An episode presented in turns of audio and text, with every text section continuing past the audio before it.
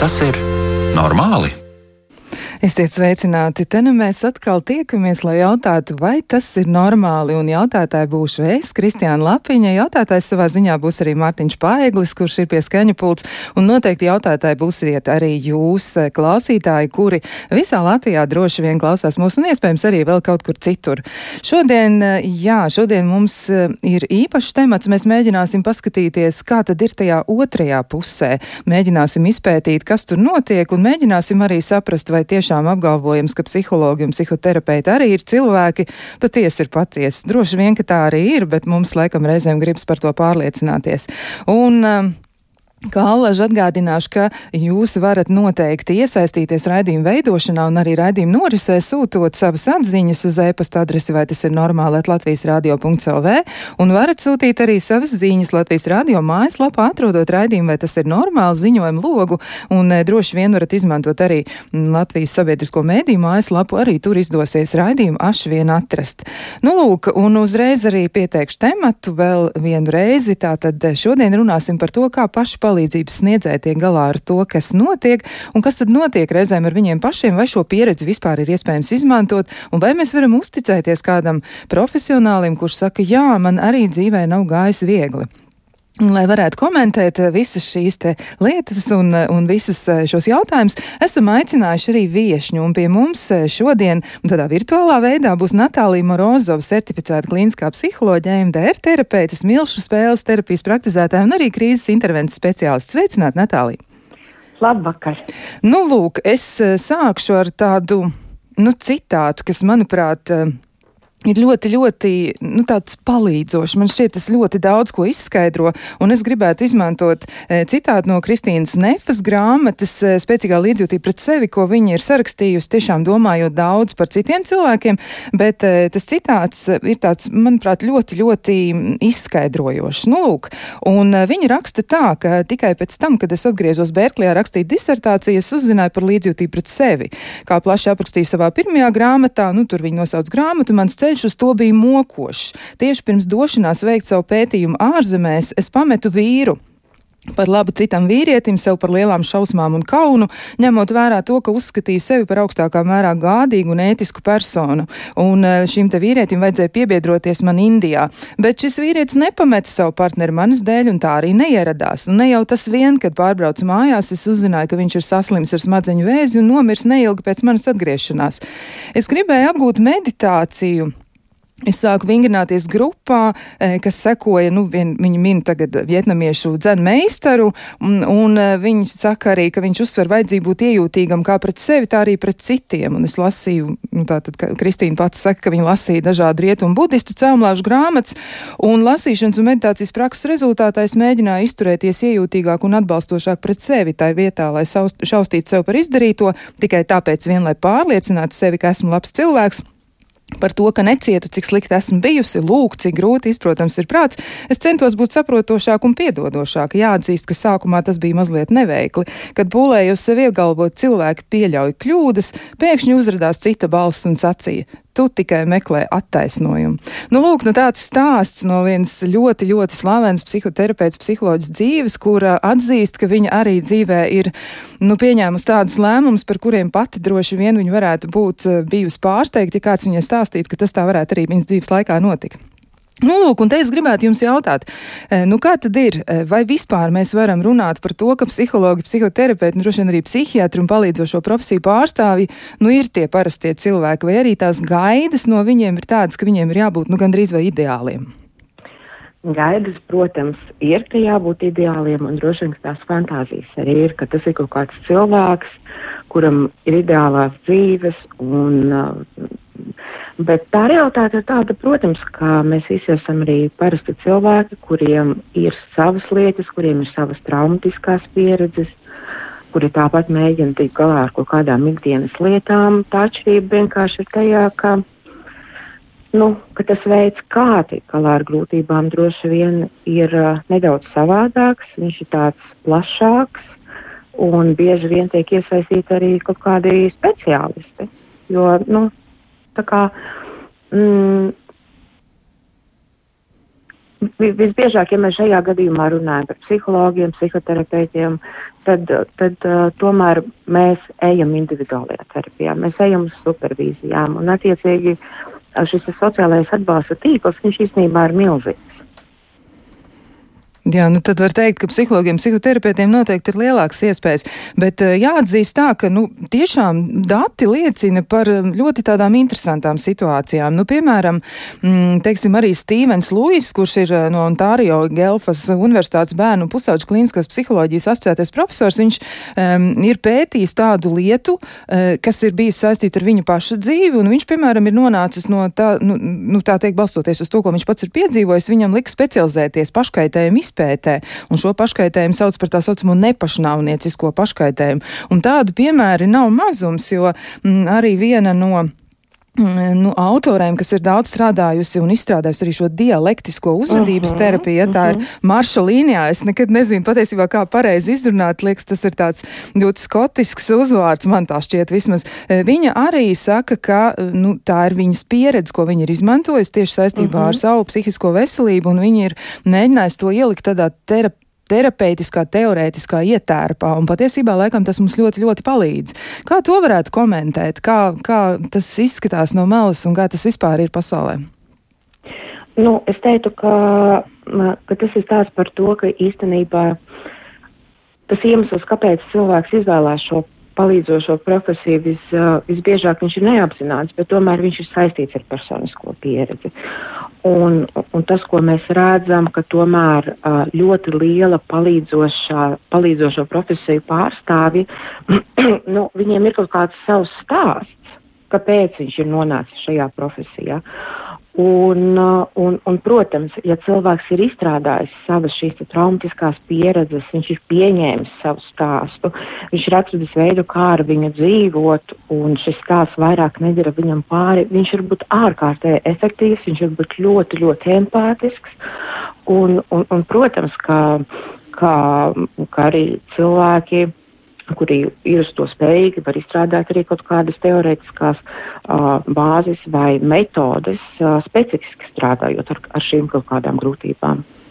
Jā, nu rekā, interesanti, kā tas notiek. E, es arī vēl esmu atradusi ļoti interesantu pētījumu, kurš ir publicēts relatīvi nesen, 2022. gada 29. aprīlī, un e, tā pētījuma autori ir Endju e, Devendorfs un arī Sāra m, Viktora no m, Teksas Tehniskās universitātes, un savukārt Endju Devendorfs ir no Dienvidu Floridas universitātes klīniskās psiholoģijas doktora grāda kandidāts, viņš bija tajā brīdī.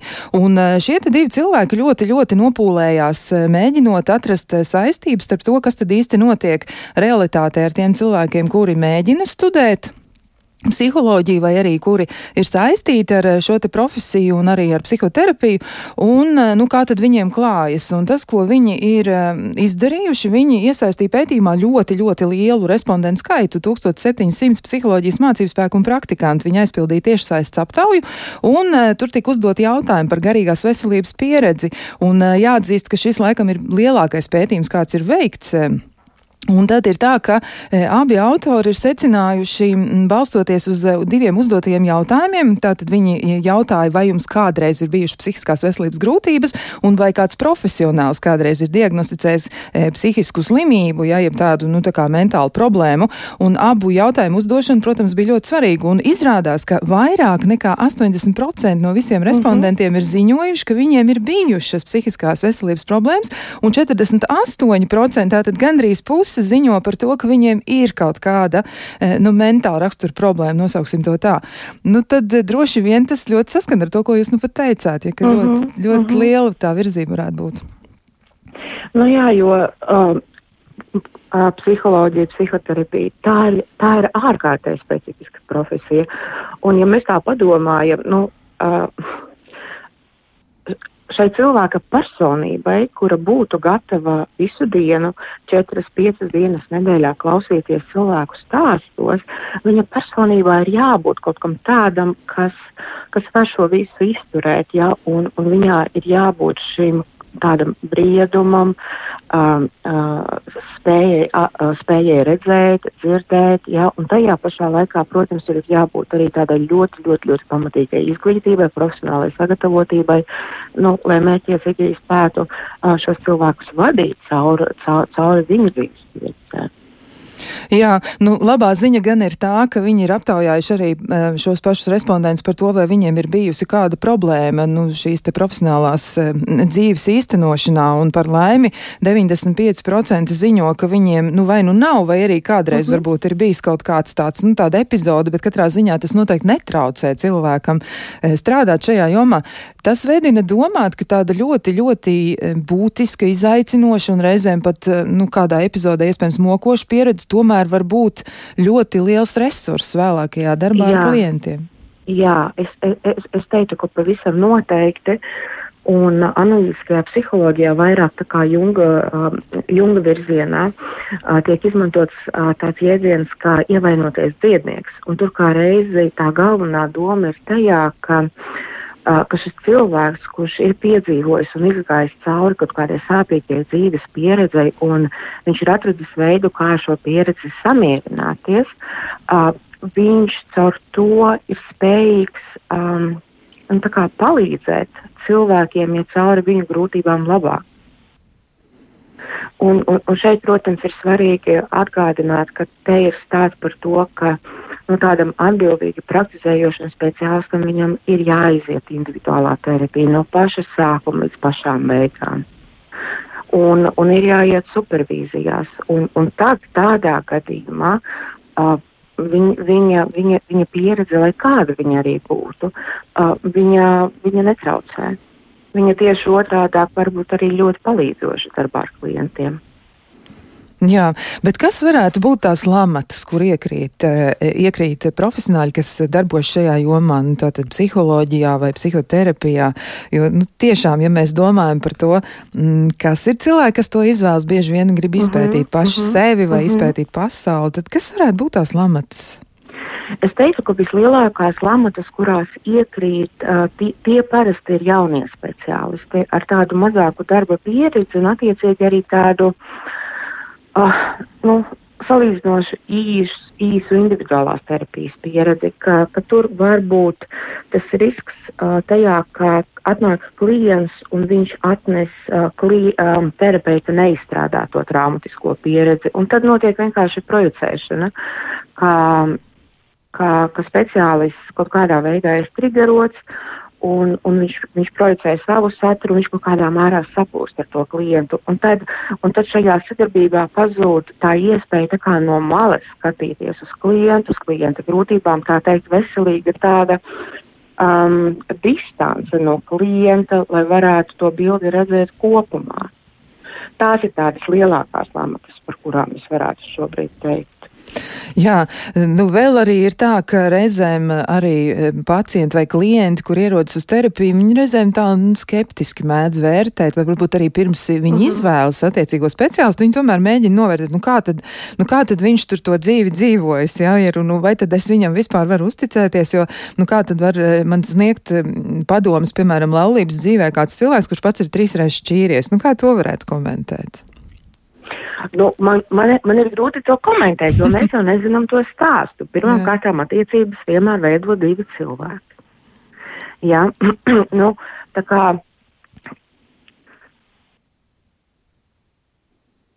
tā kā nav, nav, nav skaidrs, ka, ka, kas, kas tur notiek. Vai šī laulība ir šķirta pēc, pēc, pēc kura cilvēka iniciatīvas, kā šī laulība tika šķirta, jo cilvēki var šķirties arī ļoti mierīgi un bez visādām drāmām. Var notikt šķiršanās ar visādām drāmām, un, un tur iespējams um, varbūt stāst par kaut kādiem tādiem disfunkcionāliem attiecību veidošanas modeļiem.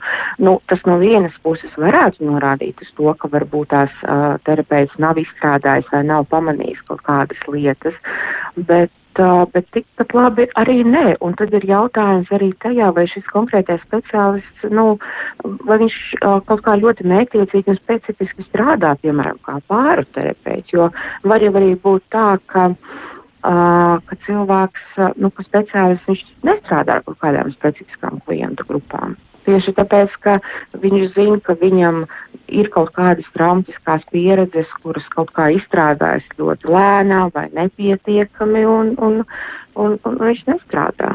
Un es teiktu, ka, nu, ka, ka šādā gadījumā tā būtu ļoti atbildīga un godīga pieeja.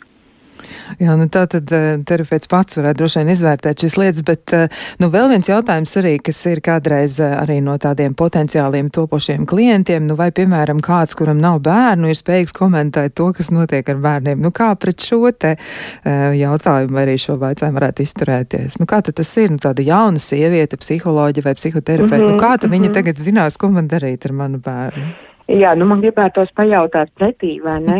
nu, vai tiešām uh, klients sagaida, ka terapeitam būs absolūti visas iespējamās traumatiskās pieredzes personiskie, nu, nu, vai viņš būs piedzīvojis pilnīgi visas traumatiskās pieredzes, lai klients justos droši, ka viņš atnāks, un tas speciālists, tiešām būs arī pieredzējis, kā tas ir piemēram, ka, ka, ka viņa bērns iet, iet bojā vai, vai, vai ka notiek kaut kādas katastrofas vai vēl kaut kas, vai vēl kaut kas. Es teiktu, ka mana atbilde drīzāk ir, ka nē, šeit ir svarīga profesionālā sagatavotība. Ja? Kas, kas, kas ir tas terapijas virziens vai kas ir tās metodikas, kuras tas cilvēks ir apguvis, vai viņš ir profesionāli sagatavots darbam ar konkrēto klientu grupu.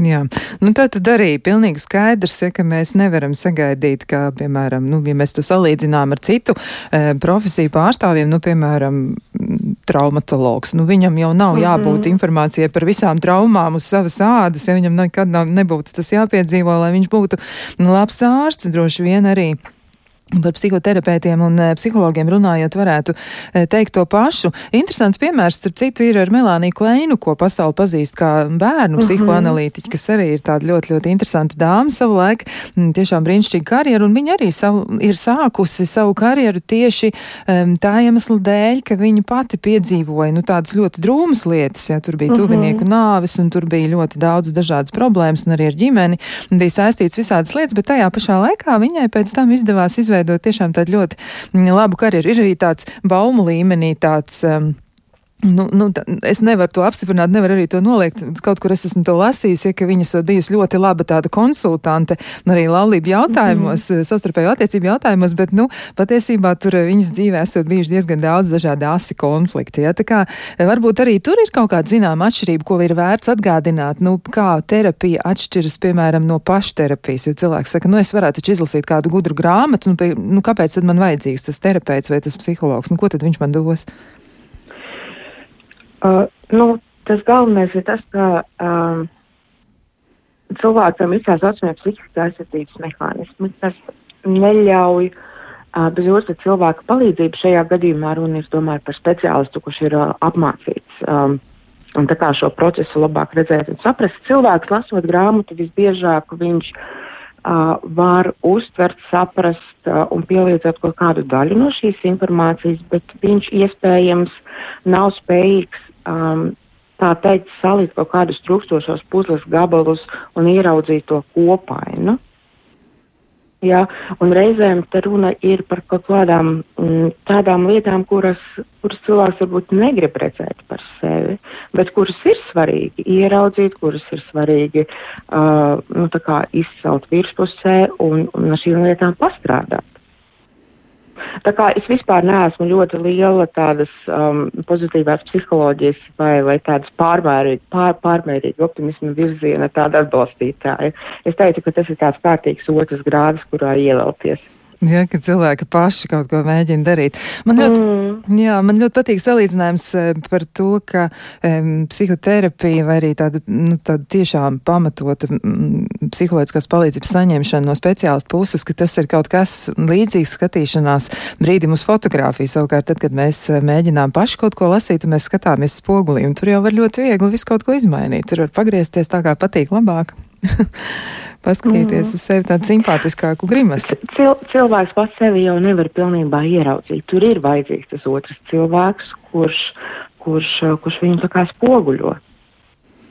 Jā, un te mēs atgriežamies tad vēl pie šī jautājuma, bet kā pašiem profesionāļiem pamanīt to, ka viņiem ir nepieciešama palīdzība, jo arī tas ir kas tāds, ko pētījumi atklāja, ka ļoti bieži šīs profesijas pārstāvjiem, kuri strādā ar citiem cilvēkiem un mēģina atrisināt viņu grūtības, viņiem ir grūti pašiem atbildēt sev tā godīgi uz to jautājumu, vai tev ir viss kārtībā, un tad pateikt, nu nē, ka nav gluži viss kārtībā. Kā to varētu komentēt? Kāpēc tā notiek? Tur ir kaut kāda tāda pārvarīga ticēšana pašiem sev, ka es noteikti tikšu galā?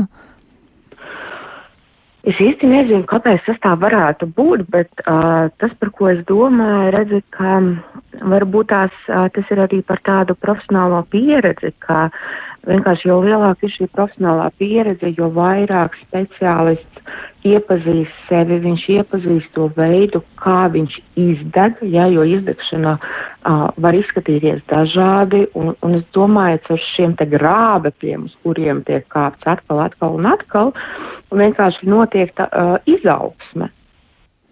Ja, un, tad, un, un, tad ir laiku speciālists kaut kā šīm situācijām, viņš viņas ir spējīgs atpazīt labāk un attiecīgi rīkoties ātrāk. Jā, bet arī šie paši iepriekš pieminētie pēti, pētnieki, Andrew Devendors un arī Sāra Viktora, viņa, mm, nu, viņi ir secinājuši, ka mm, ir tā, ka ir tomēr tādi tā saucamie struktūrālie šķēršļi klīniskajā psiholoģijā tieši. Viņi par to runā vairāk.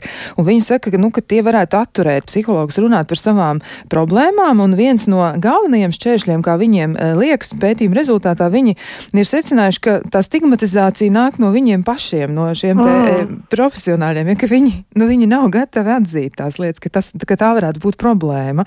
Ļoti, ļoti Jā. neparasti. Kā tas, kā tas būtu saprotams? Ļoti interesanti, jo acīm redzot, man ir paveicies ar manu supervīzijas grupu, kurā es eju jau ļoti, ļoti, ļoti daudzus gadus, un, un, un mēs grupā ļoti atklāti runājam par to, kā katram iet, kā katrs jūtas, un mēs runājam par grūtībām un, un, un, un kaut kā. Uh, es esmu pieradusi pie tā, ka nu, tieši pie tās uh, otras situācijas, kā, kā, ka tiek runāts par šīm grūtībām. Bet, uh, jā, es īstenībā dzirdu, kas ir tas, par ko jūs runājat, ka, ka, ka tiešām varētu šeit būt. Uh, tas kauns par neatbilstību šim stereotipam, un tad iespējams tas ir tāds par tādām lamatām, un kā, ka, ka speciālists ir identificējies ar, ša, ar savu profesiju, jā, un viņam ir bišķiņ tā kā atdali, ir, ir grūti atdalīt šo profesionālo lomu uh, no, no tā, ka viņš īstenībā ir dzīves cilvēks, un tas ir ok, ka, nu, ka tu nejūties labi, ka tev ir labās dienas, tev ir sliktās dienas, ka tev var būt dienas, ka īstenībā tu negribi iet uz darbu, nu, kā visiem mums. Jā, bet ļoti grūti ir ar to tikt galā. Arī pētnieks saka, ka uh, viņu ziņas, ko viņi ir saņēmuši, ir, ka nu, kolēģi bažījies par to, ka var nu, kādu tādā negodīgā veidā uzskatīt par nekompetentu vai tādu tā kā sabojātu vai, vai tādu cilvēku, ar kuru ir grūti strādāt. Ja, un, ja tas cilvēks atzīst, ka viņam ir kaut kādas nopietnas grūtības bijušas, nu, ka tie pārējie tā varētu arī um, izturēties negatīvi. Tāds zināms risks, protams, pastāv, bet tajā pašā laikā vai tas varētu būt iemesls, lai tik ļoti ļoti raizētos, bet izskatās, ka tomēr pētījumā tas ir, nu, tas ir iezīmējies. Nu, acīm redzot, tad iespējams tas ir stāsts par kaut kādām problēmām pašā profesijā iekšienē.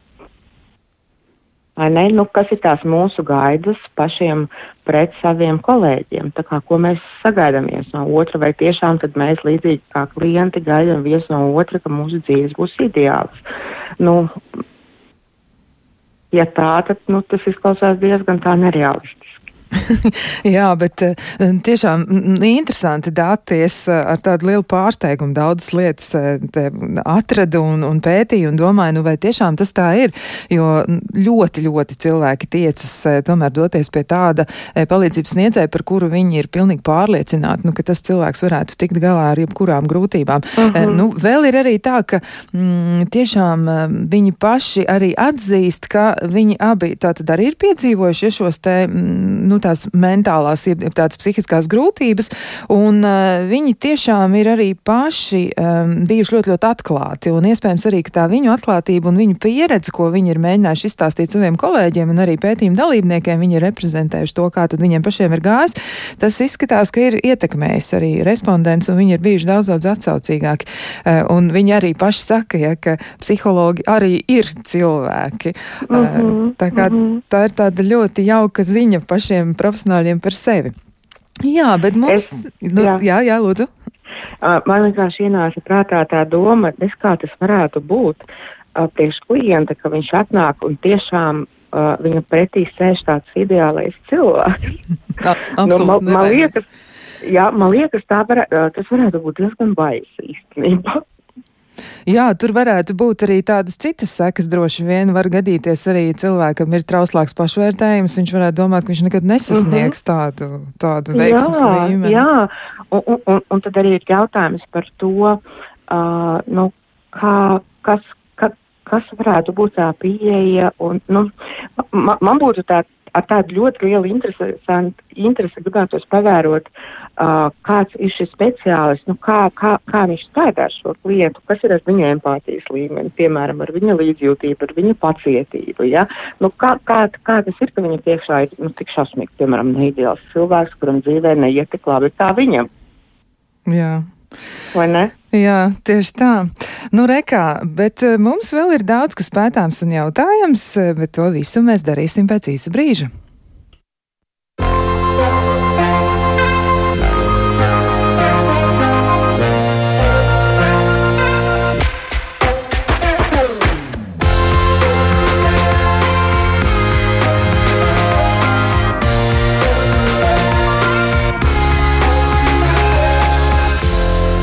Vai tas ir normāli?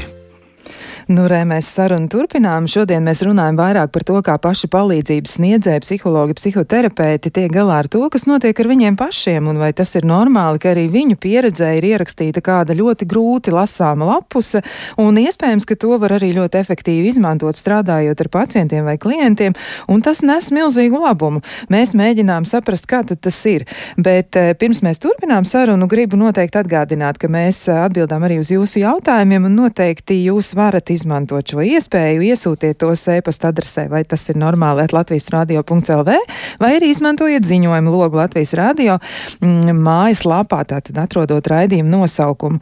Un, e, nu, atkal ir šis brīdis klāt, lai iedrošinātu klausītājus e, vairāk uzdot dažādus jautājumus par visdažādākajiem tematiem, un jautājumiem, protams, ir jāsāks ar, vai tas ir normāli. Mēs esam sagatavojuši jautājumu izlases studijas viesiem no klausītāju iesūtītiem jautājumiem, un tie nav saistīti ar raidījuma pamattematu. Tie ir domāti vairāk uzmundrinājumam, un katrā raidījumā viesis izlozē pa jautājumam, un arī šovakar būs tieši tā. Un nu jau ir laiks jautājumam.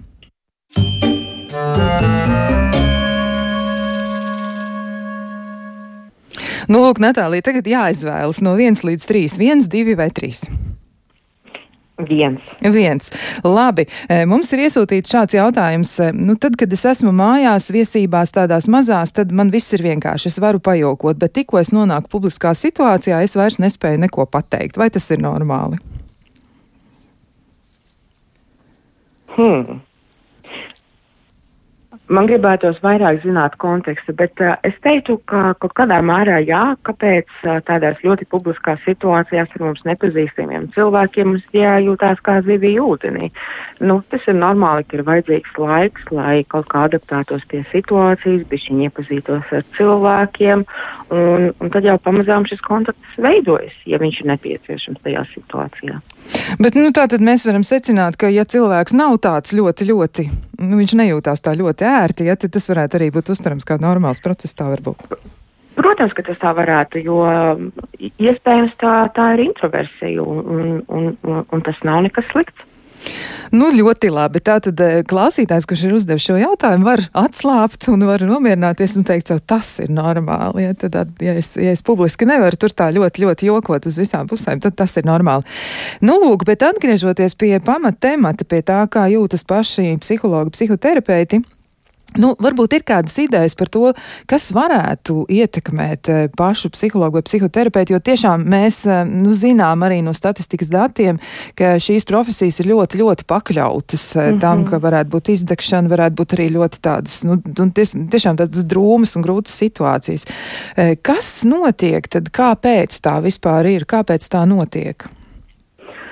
Nu, tā viena lieta, par ko, par ko es uzreiz iedomājos, ir nu, kaut kādas akūtas krīzes situācijas, kas, kas notiek tieši šeit un tagad, jā, kur, kur tiešām šis emocionālais tās līdzsvars ir izsis ārā. Tas, protams, kaut kādā mērā var ietekmēt darbu ar klientiem, un, un tad, protams, šīs supervīzijas ir ļoti svarīgas un individuālā terapija un maksimāli ātri mēģināt nu, sādi sevi kaut kā kārtībā un, protams, tā kā vairāk fokusēties uz tādu pašpalīdzību. Tas otrs, par ko es domāju, redzi, piemēram, visa tā Covid situācija un karš Ukrainā, nu, ir taču absolūti skaidrs, ka, ka visas šīs situācijas ir ietekmējušas arī speciālistus tādā individuālā līmenī, vai ne? Un, un, un, un es nevaru pateikt, ka tas bija ļoti viegli un vienkārši, īpaši pašā sākumā, gan tad, kad sākās karš, gan, gan tad, kad tikai bija pandēmija un cilvēki sēdēja mājās viņi pa sienām līdzi dēļ tā, ka viņiem trūks socializēšanās. Nu, tā kā viņus atbalstīt visā šajā procesā, ņemot vērā, ka tu pats esi ja, visā šajā situācijā iesaistīts. Un tad atkal nu, tas jautājums ir par to, uh, cik efektīvi un cik ātri uh, speciālists ir spējīgs nu, sevi tā kā maksimāli ātri savākt un adaptēties jaunajiem dzīves apstākļiem, lai viņš turpmāk varētu savus klientus atbalstīt pēc iespējas efektīvāk. Jā, bet eh, noteikti palīdzības profesiju pārstāvjiem tomēr taču neatšķiras tas eh, laiks, nu, piemēram, laika limits, ja vispār to tā var apzīmēt, nu, kas ir dots, piemēram, lai izdzīvotu sēru procesu vai, vai piedzīvot kaut kādas citas lietas. Nu, ja jau reiz viņi ir tādi paši cilvēki kā pārējie, tas nozīmē, ka uh -huh. viņus tas ietekmēs tikpat ilgu laiku, vai ne? Nu, jā, tas ietekmēs tikpat ilgu laiku. Es teiktu, ka tā atšķirība iespējams varētu būt tajā, ka uh, ka tas sēru process viņš varētu uh, nu, iet uz priekšu tādā, tā, tā, tādā pašā veselīgā dinamikā, ka tur varētu nebūt šīs iesprūšanas kaut kādā no fāzēm. Ja, ka, ka speciālists viņ, viņš saprot, cik svarīgi ir vienkārši ļauties šim procesam viņu izdzīvot, un viņš arī ļauj šim procesam notikt. Bet ir skaidra lieta, ka šis ēru process, nu, viņš kā, nu, viņš neienāk terapeitiskajā telpā, lai gan uh, te tā kā varētu būt tā otra monētas puse, par ko mēs šodien runājam, ka, protams, var gadīties tā, ka Uh, ja šī sē, nu, ja, ja, piemēram, šis tuvais cilvēks ir nomiris tik tikko, un sanāk tā, ka atnāk klients, un viņam arī tik tikko ir kāds nomiris, un tā kā, nu, tur var būt tāda pārklāšanās, un tad, protams, ka, ka, tas, ka, ka tas var būt pietiekami grūti terapeitam, nu, vadīt šo klienta procesu, pašam esot šajā sēra procesā. Bet tad ir svarīga šī profesionālā sagatavotība, cik lielā mērā tomēr speciālists var atdalīt savu pieredzi no klienta pieredzes un, un tomēr neļauties uh, tam, ka nu, viņš kaut kā pārmērīgi identificējas ar klientu un ka viņam, viņš iekrīt tajā ilūzijā, ka viņš noteikti zina tiešām, kas ar to klientu šobrīd notiek, kā viņš jūtas. Jo, jo skaidrs ir, ka viņa sēra process var ļoti, ļoti atšķirties no terapeita sēra procesa. Tas gan. Vai varētu arī tā būt, ka, nu, piemēram, šis palīdzības sniedzējs, viņš. Um, nu, zināmā mērā nespēja tā kā izkāpt ārā no tā visa. Kaut arī, protams, jā, tur runa ir par profesionalitāti un varbūt arī par spēju apstāties, vai varbūt kādā brīdī vienkārši ir jādeleģē atbildība par uh mhm, -huh, klientu uh -huh. vai pacientu citam kolēģim. Kā ir ar to? E, noteikti. Es domāju, ka, ka ka, ka var paņemt slimības lapu, var aiziet atvaļinājumā. Tā, tā, tā ir profesionāla atbildība. Saprast, kurā brīdī viņa emocionālais stāvoklis ir tāds, nu, ka tomēr viņam būtu jāpaņem pauzīt. Jā, vai, vai tā var būt arī, ka tas stāvoklis, kas ir pašam, pašam palīdzības sniedzējiem, ir tik nopietns, ka viņš varētu arī būt, nu, teiksim, kā ir bīstams arī savam pacientam vai klientam, vai var tāda situācija arī izvērsties un kā tas būtu jāsaprot? Um, Es teiktu, ka jā, man gribētos ļoti cerēt, ka tādu situāciju nav daudz, bet es domāju, ka pavisam noteikti.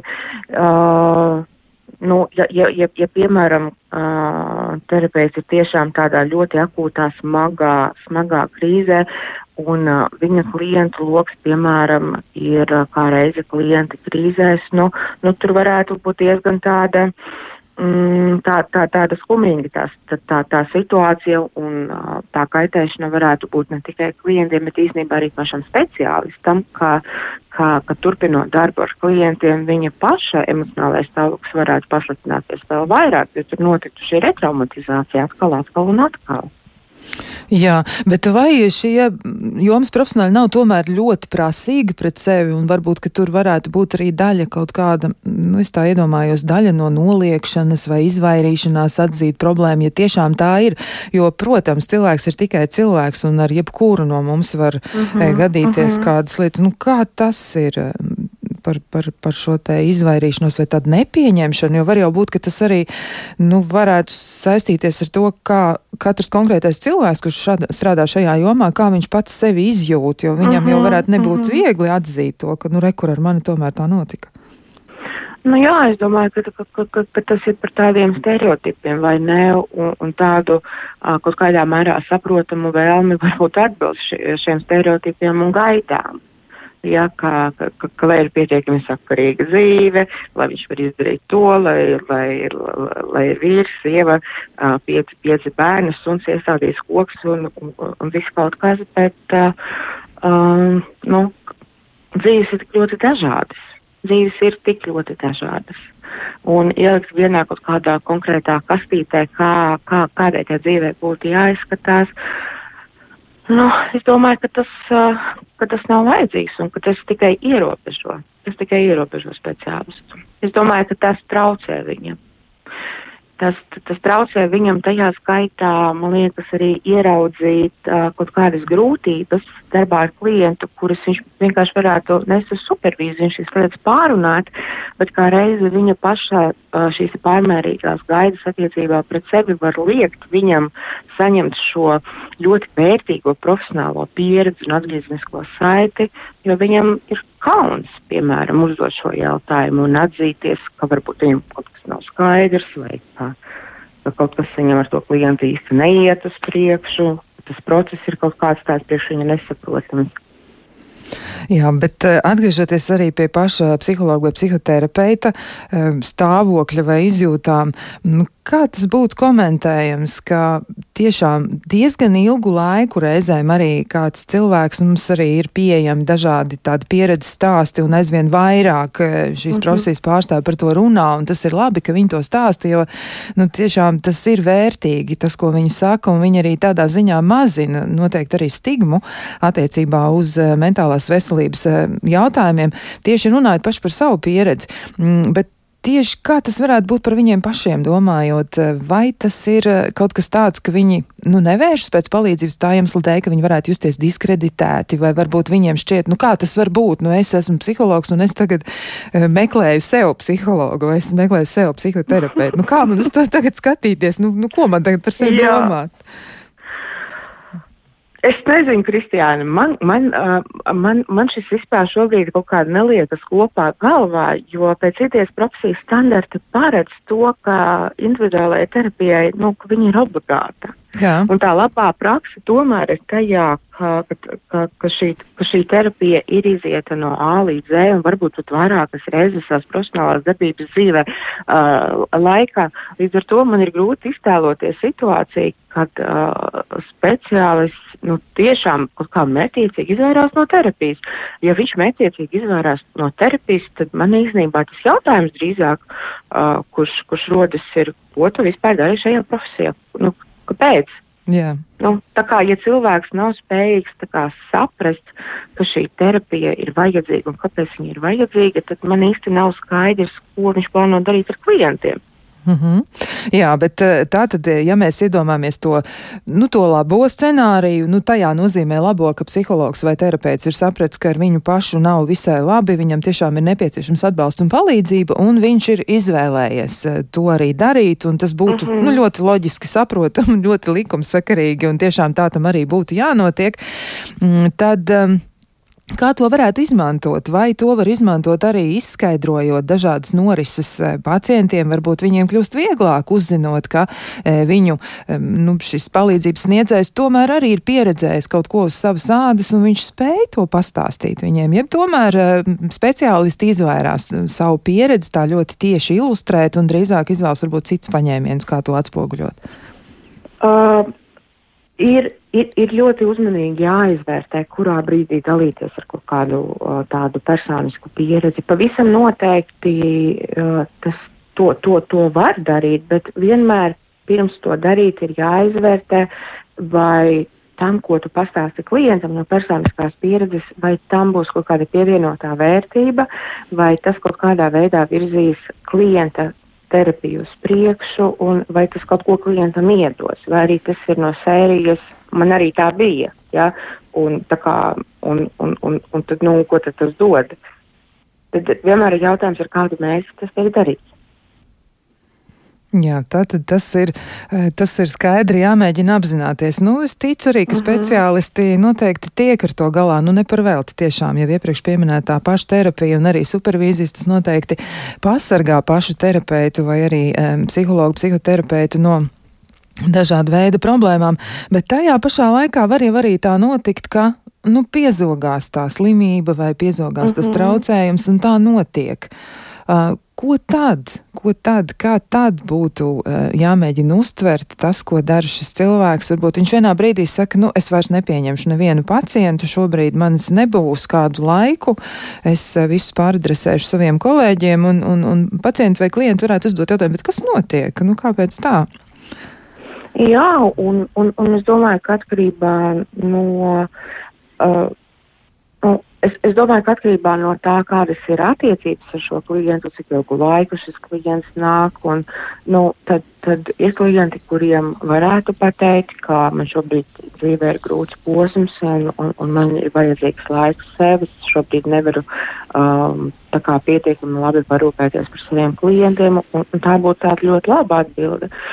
Un, uh, Un ir klienti, kuriem varbūt tās varētu vienkārši pateikt, nu, ka, ka man šobrīd uh, dzīvē notiek kaut kādas lietas, un man vienkārši vajag paņemt nedaudz vairāk laika, un, un, un tiklīdz es uh, atgriezīšos savā praksē, es tev padošu ziņu, un ja tu gribēji sagriezties, tu varēsi to darīt. Nu, tā kā tie, tie veidi, kā par to pateikt, varbūt ļoti dažādi, un es teiktu, ka tāda atklāta saruna, uh, viņa arī var būt. Nu, tā tad tas varētu arī reizēm noderēt, tad noteikti to var. Jā, tam varētu būt tās terapeitisks efekts, bet es vēlreiz atkārtoju, nu, ka tur ir jāizvērtē ar katru klientu atsevišķi, nu, tā kā, uh, vai šī atklātība, vai šī informācija klientam var kaut ko iedot, vai arī nē. Un ja nē, tad droši vien tāda pārmērīga dalīšanās ir lieka. Jā, arī pētnieki saka, ka nevienmēr tās savas iekšējās cīņas vajag publiskot. Ja viņi tā uh -huh. arī mhm. saka, viņi nesaka, ka visiem vajadzētu darīt tā, kā dara viņi, vai būtu jājūt, ka par to ir jārunā atklāti, un ka visiem eh, psihologiem vai psihoterapeitiem būtu jābūt pieredzēji, kas ir šāda. Ja, nu, kā, ja tu neesi to pārdzīvojis, tad tu neesi īsts terapeits, un ka tu tad nezini, ko tad darīt šādā situācijā. Jo ir jau tiešām tā, ka reizēm arī eh, pacienti vai klienti saka, nu, jūs nevarat mani līdz galam saprast, jo jūs nezināt, nu, kur es esmu ja, vai kā es jūtos. Jā, tā ir ļoti interesanti. Man es, piemēram, esmu strādājis cietumā. Uh, paldies Dievam, man neviens uh, klients ne, neko tādu nepateica. Zini, Natālija, es pie tevis nenākšu. Tu esi uh, slikts psihologs, tas, ka tu neesi sēdējis cietumā un tu nevienu neesi nogalinājis. Jā, nu tas, ir, tas ir ļoti labs arguments. Droši vien, ka to var izmantot, un es ticu arī, ka vairums cilvēku tieši tā arī domā. Nu, viņi nesagaida no savu palīdzības sniedzēju, e, ka viņš būs tieši tur bijis, kur bija viņi, nu, gan tādā pārnestā, gan tiešā nozīmē, bet tajā pašā laikā droši vien, jā, tas, tas ko jūs sakāt par to, eh, kā izmantot pieredzi, tad katrs profesionāls noteikti izvēlēsies, kā to darīt. Bet, eh, nu, vēl tāds jautājums arī par to, bet kā tad notiek, nu, tā pašpasargāšanās, kāds ir tas, nu, tas labais algoritms, ko tad dara cilvēki bez supervīzijām, bez. Um, bez pašterapijas. E, kas vēl strādā labi? Ko dara psihologi, psihoterapeiti? Kā viņi paši sev palīdz vēl bez es, tā visa? Es, es, es, e, es domāju, ka, ka katram droši vien tas sarakstiņš ir, ir savs, uh, bet es varu pastāstīt, kas, kas, kas ir manas lietas. Man, piemēram, ir ļoti svarīga izgulēšanās. Es agri liekos gulēt, ļoti agri mostos bez modinātāja. Man ir svarīgi mosties bez modinātāja, un tad es esmu žirta un, un mierīga, un man ir rituāli, kā es kā iesāku dienu. Jā, tad um, es, es eju uz pirti, uz baseinu, uz saunu, uz masāžu. Nu, pr protams, tā kā iespēja un laika, lai, laika iespēja robežās. Un, um, tās ir garas pastaigas, socializēšanās. Um, man patīk mācīties gatavot jaunu sēdienas, kaut kādas radošas aktivitātes. Reizēm tas ir vienkārši izslēgt vis, visas, visas, visas, visas tehnikas un, un, un vienkārši kaut kā pagulēt, padomāt, pareflektēt un tā kā pabaudīt klusumu. Jā, jo īstenībā tā, tā, tā klusuma kaut kā dzīvē ir par maz, un tad man reizēm patīk vienkārši pabūt klusumā. Pēc darba es vienmēr eju kāj, kājām uz mājām. Tas ir tāds mans laiks, lai es kaut kā attietu no darba dienas un pilnībā pārslēgtos un atnāktu mājās bez darba. Un tādas kaut kādas uh, mazās, mazās lietiņas. Jā, bet vai jums pašai ir bijis tāds mirklis dzīvē, kad jūs domājat, nu nē, nu šī profesija, tas ir, tas ir pārāk, pārāk kaut kas liels sarežģīts, un tas man ļoti patīk, bet es nezinu, vai es to gribu. Ir tā ir bijusi, protams, manā, manā dzīvē ir bijušas tādas pāris pamatīgas, pamatīgas izdegšanas, kad, nu, es atzīšos, mans lielākais sapnis tajā laikā ir bijis sēdēt kaut kur pie konveijera un vienkārši pakot kaut kādas kastītes, viņas vienkārši līmēt un vienkārši sēdēt un visu dienu līmēt kastītes, nu, kaut, ko tādu darīt. Un man likās, ka Dievs tas būtu tik poši tā vienkārši sēdēt un līmēt kastītes. Bet uh, ar laiku, protams, tas ir tas, ko es arī sākumā teicu, ka ar laiku vienkārši speciālists, viņš labāk iepazīst tos veidus, kā viņš izdara. Viņš, viņš, viņš, un, un šobrīd man ir vienkārši izstrādāt tā sistēma. Es uh, ik pēc četriem mēnešiem eju atvaļinājumā, divas reizes gadā es eju uz divām nedēļām, vienu reizi uh, gadā uz mēneša garu atvaļinājumu. Un tā kā es esmu sapratusi, ka man tie četri, četri ar pusi mēneši, tas ir mans maksimums, uh, lai es nesāktu izdegt, un tas nozīmē, ka es eju atvaļinājumā vēl pirms es vispār sāku izdegt. Un tad es esmu atpūtusies, un, un tas ir tas mans veids, kas man palīdz izvairīties no izdegšanas šobrīd vispār. Jā, izklausās ļoti, nu tā ļoti labi. Droši vien, ka liela daļa cilvēku varētu teikt, es arī tā varētu vēlēties. Jā, ka tas ir tāds ļoti labs režīms un es teiktu tāds ļoti, nu, tiešām piemērots, saudzējuši, droši vien ļauj arī atgūties. Un kas tad vēl Jā. ir tas, ko jūs darāt? Varbūt jūs arī kaut kādas ēvērģelības atļaujaties kādreiz vai kaut ko ļoti neparastu. Varbūt ir kaut kas tāds, kas jūs tā īpaši uzmundrina un ļauj atkal atgriezties pie profesijas ar jauniem spēkiem, un jūs sakāt sev, jā, jā, tomēr šis ir īstais darbs, ko es gribu darīt. Man ļoti patīk mācīties. Man, man, man ļoti patīk mācīties, un semināri, un kvalifikācijas celšanas. Tas vienmēr man iedvesmo. Es iemācos kaut ko jaunu, un tad man gribās uh, to nākt un pielietot darbā. Un tas man kaut kā ļoti iedvesmo. Un uh, es esmu sapratusi to, ka uh, es esmu nu, tiešām laimīgs cilvēks ar to, ka es esmu profesijā, kura man ļoti, ļoti patīk. Es jūtos viņā labi, un es varu visu mūžu mācīties, uzzināt tik daudz jaunu, interesantu lietu un saprast, aptvert to, kas nekad neuzzināšu pietiek, nu, visu, visu. Un, nu, tā vienkārši ļoti interesanta profesija, kurā būt. Neapšaubāmi tiešām. Bet eh, varbūt ir kāds arī tāds, nu, ieteikums, varbūt arī tādas lietas, ko varētu pateikt tiem cilvēkiem, kas dodas sava ideālā psihologa, psihoterapeita meklējumos, lai kā tas arī būtu saprotams, ja mhm. tiešām gribas, nu, to nevainojamo cilvēku, kurš ir, nu, tad lieliski piemērots eh, terapijai un kurš varētu izstāstīt un izdarīt visu, lai, lai novērstu dažādas problēmas.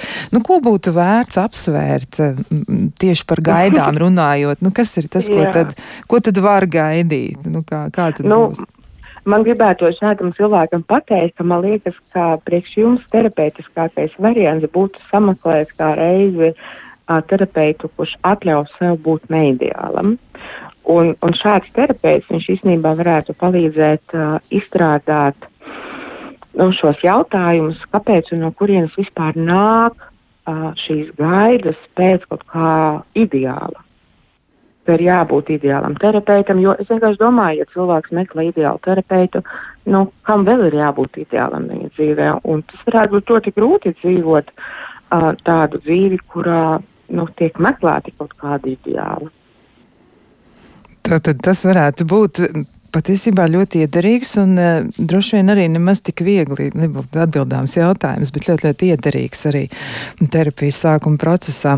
Jā, šodien mēģinājām pētīt, kā tad ir Kā tad ir būt tajā otrajā pusē, jo tiešām šīs profesijas pārstāvi, e, kurus mēs sastopam aizvien biežāk un kur jāatzīst arī par laimī stigma attiecībā uz e, viņiem ir mazinājusies un cilvēki meklē palīdzību gan pie psihologiem, gan pie psihoterapeitiem, gan arī pie psihiatriem. Nu, psihiatrus šodien neieaicinājām, ja, bet nu, šodien vairāk runājām par tieši par psihologu un psihoterapeitu m, izjūtām un e, tiešām jācer, ka cilvēkiem nu, kuriem ir nepieciešama palīdzība, viņiem izdosies atrast to savu vēlamo, to, to jauko, labo un eh, sadarboties eh, spējīgo un gribošo terapeitu. Noteikti tā arī būs. Tajā mm, procesā noteikti mēs nevarēsim asistēt, bet nu, tie padomi jācer, ka nod, noderēs un, un, eh, protams, arī noderēs tas skatījums no otras puses, jo psihologi, psihoterapeiti un psihiatri tomēr ir cilvēki. Milzīgs paldies Natālijai Morozovai. Atgādināšu, ka viņa ir certificētā Kliniskā psiholoģija, viņa ir arī EMDR terapeite, smilšu spēles terapijas praktizētāja un arī krīzes intervences speciālists. Nu, ļoti plašs profils jāatzīst, un tāpēc droši vien arī Natālija saka, viņai dzīve patiesībā ir ļoti, ļoti aizraujoša un interesanta. Nu, ko, Natālija, nu tad mēs varam jums novēlēt, lai jums veicas arī to savu dzīvi, dzīvot, arī to privāto pusi atpūsties un arī izbaudīt, un savukārt klausītājiem mēs novēlēsim, nu tad jūs meklējat to ideālo, mēģiniet atrast vienkārši cilvēku, un tad jau viss būs kārtībā. Lai jums jauka nākamā nedēļa, un mēs ar jums atkal tiksimies kādā citā reizē. Visu labu!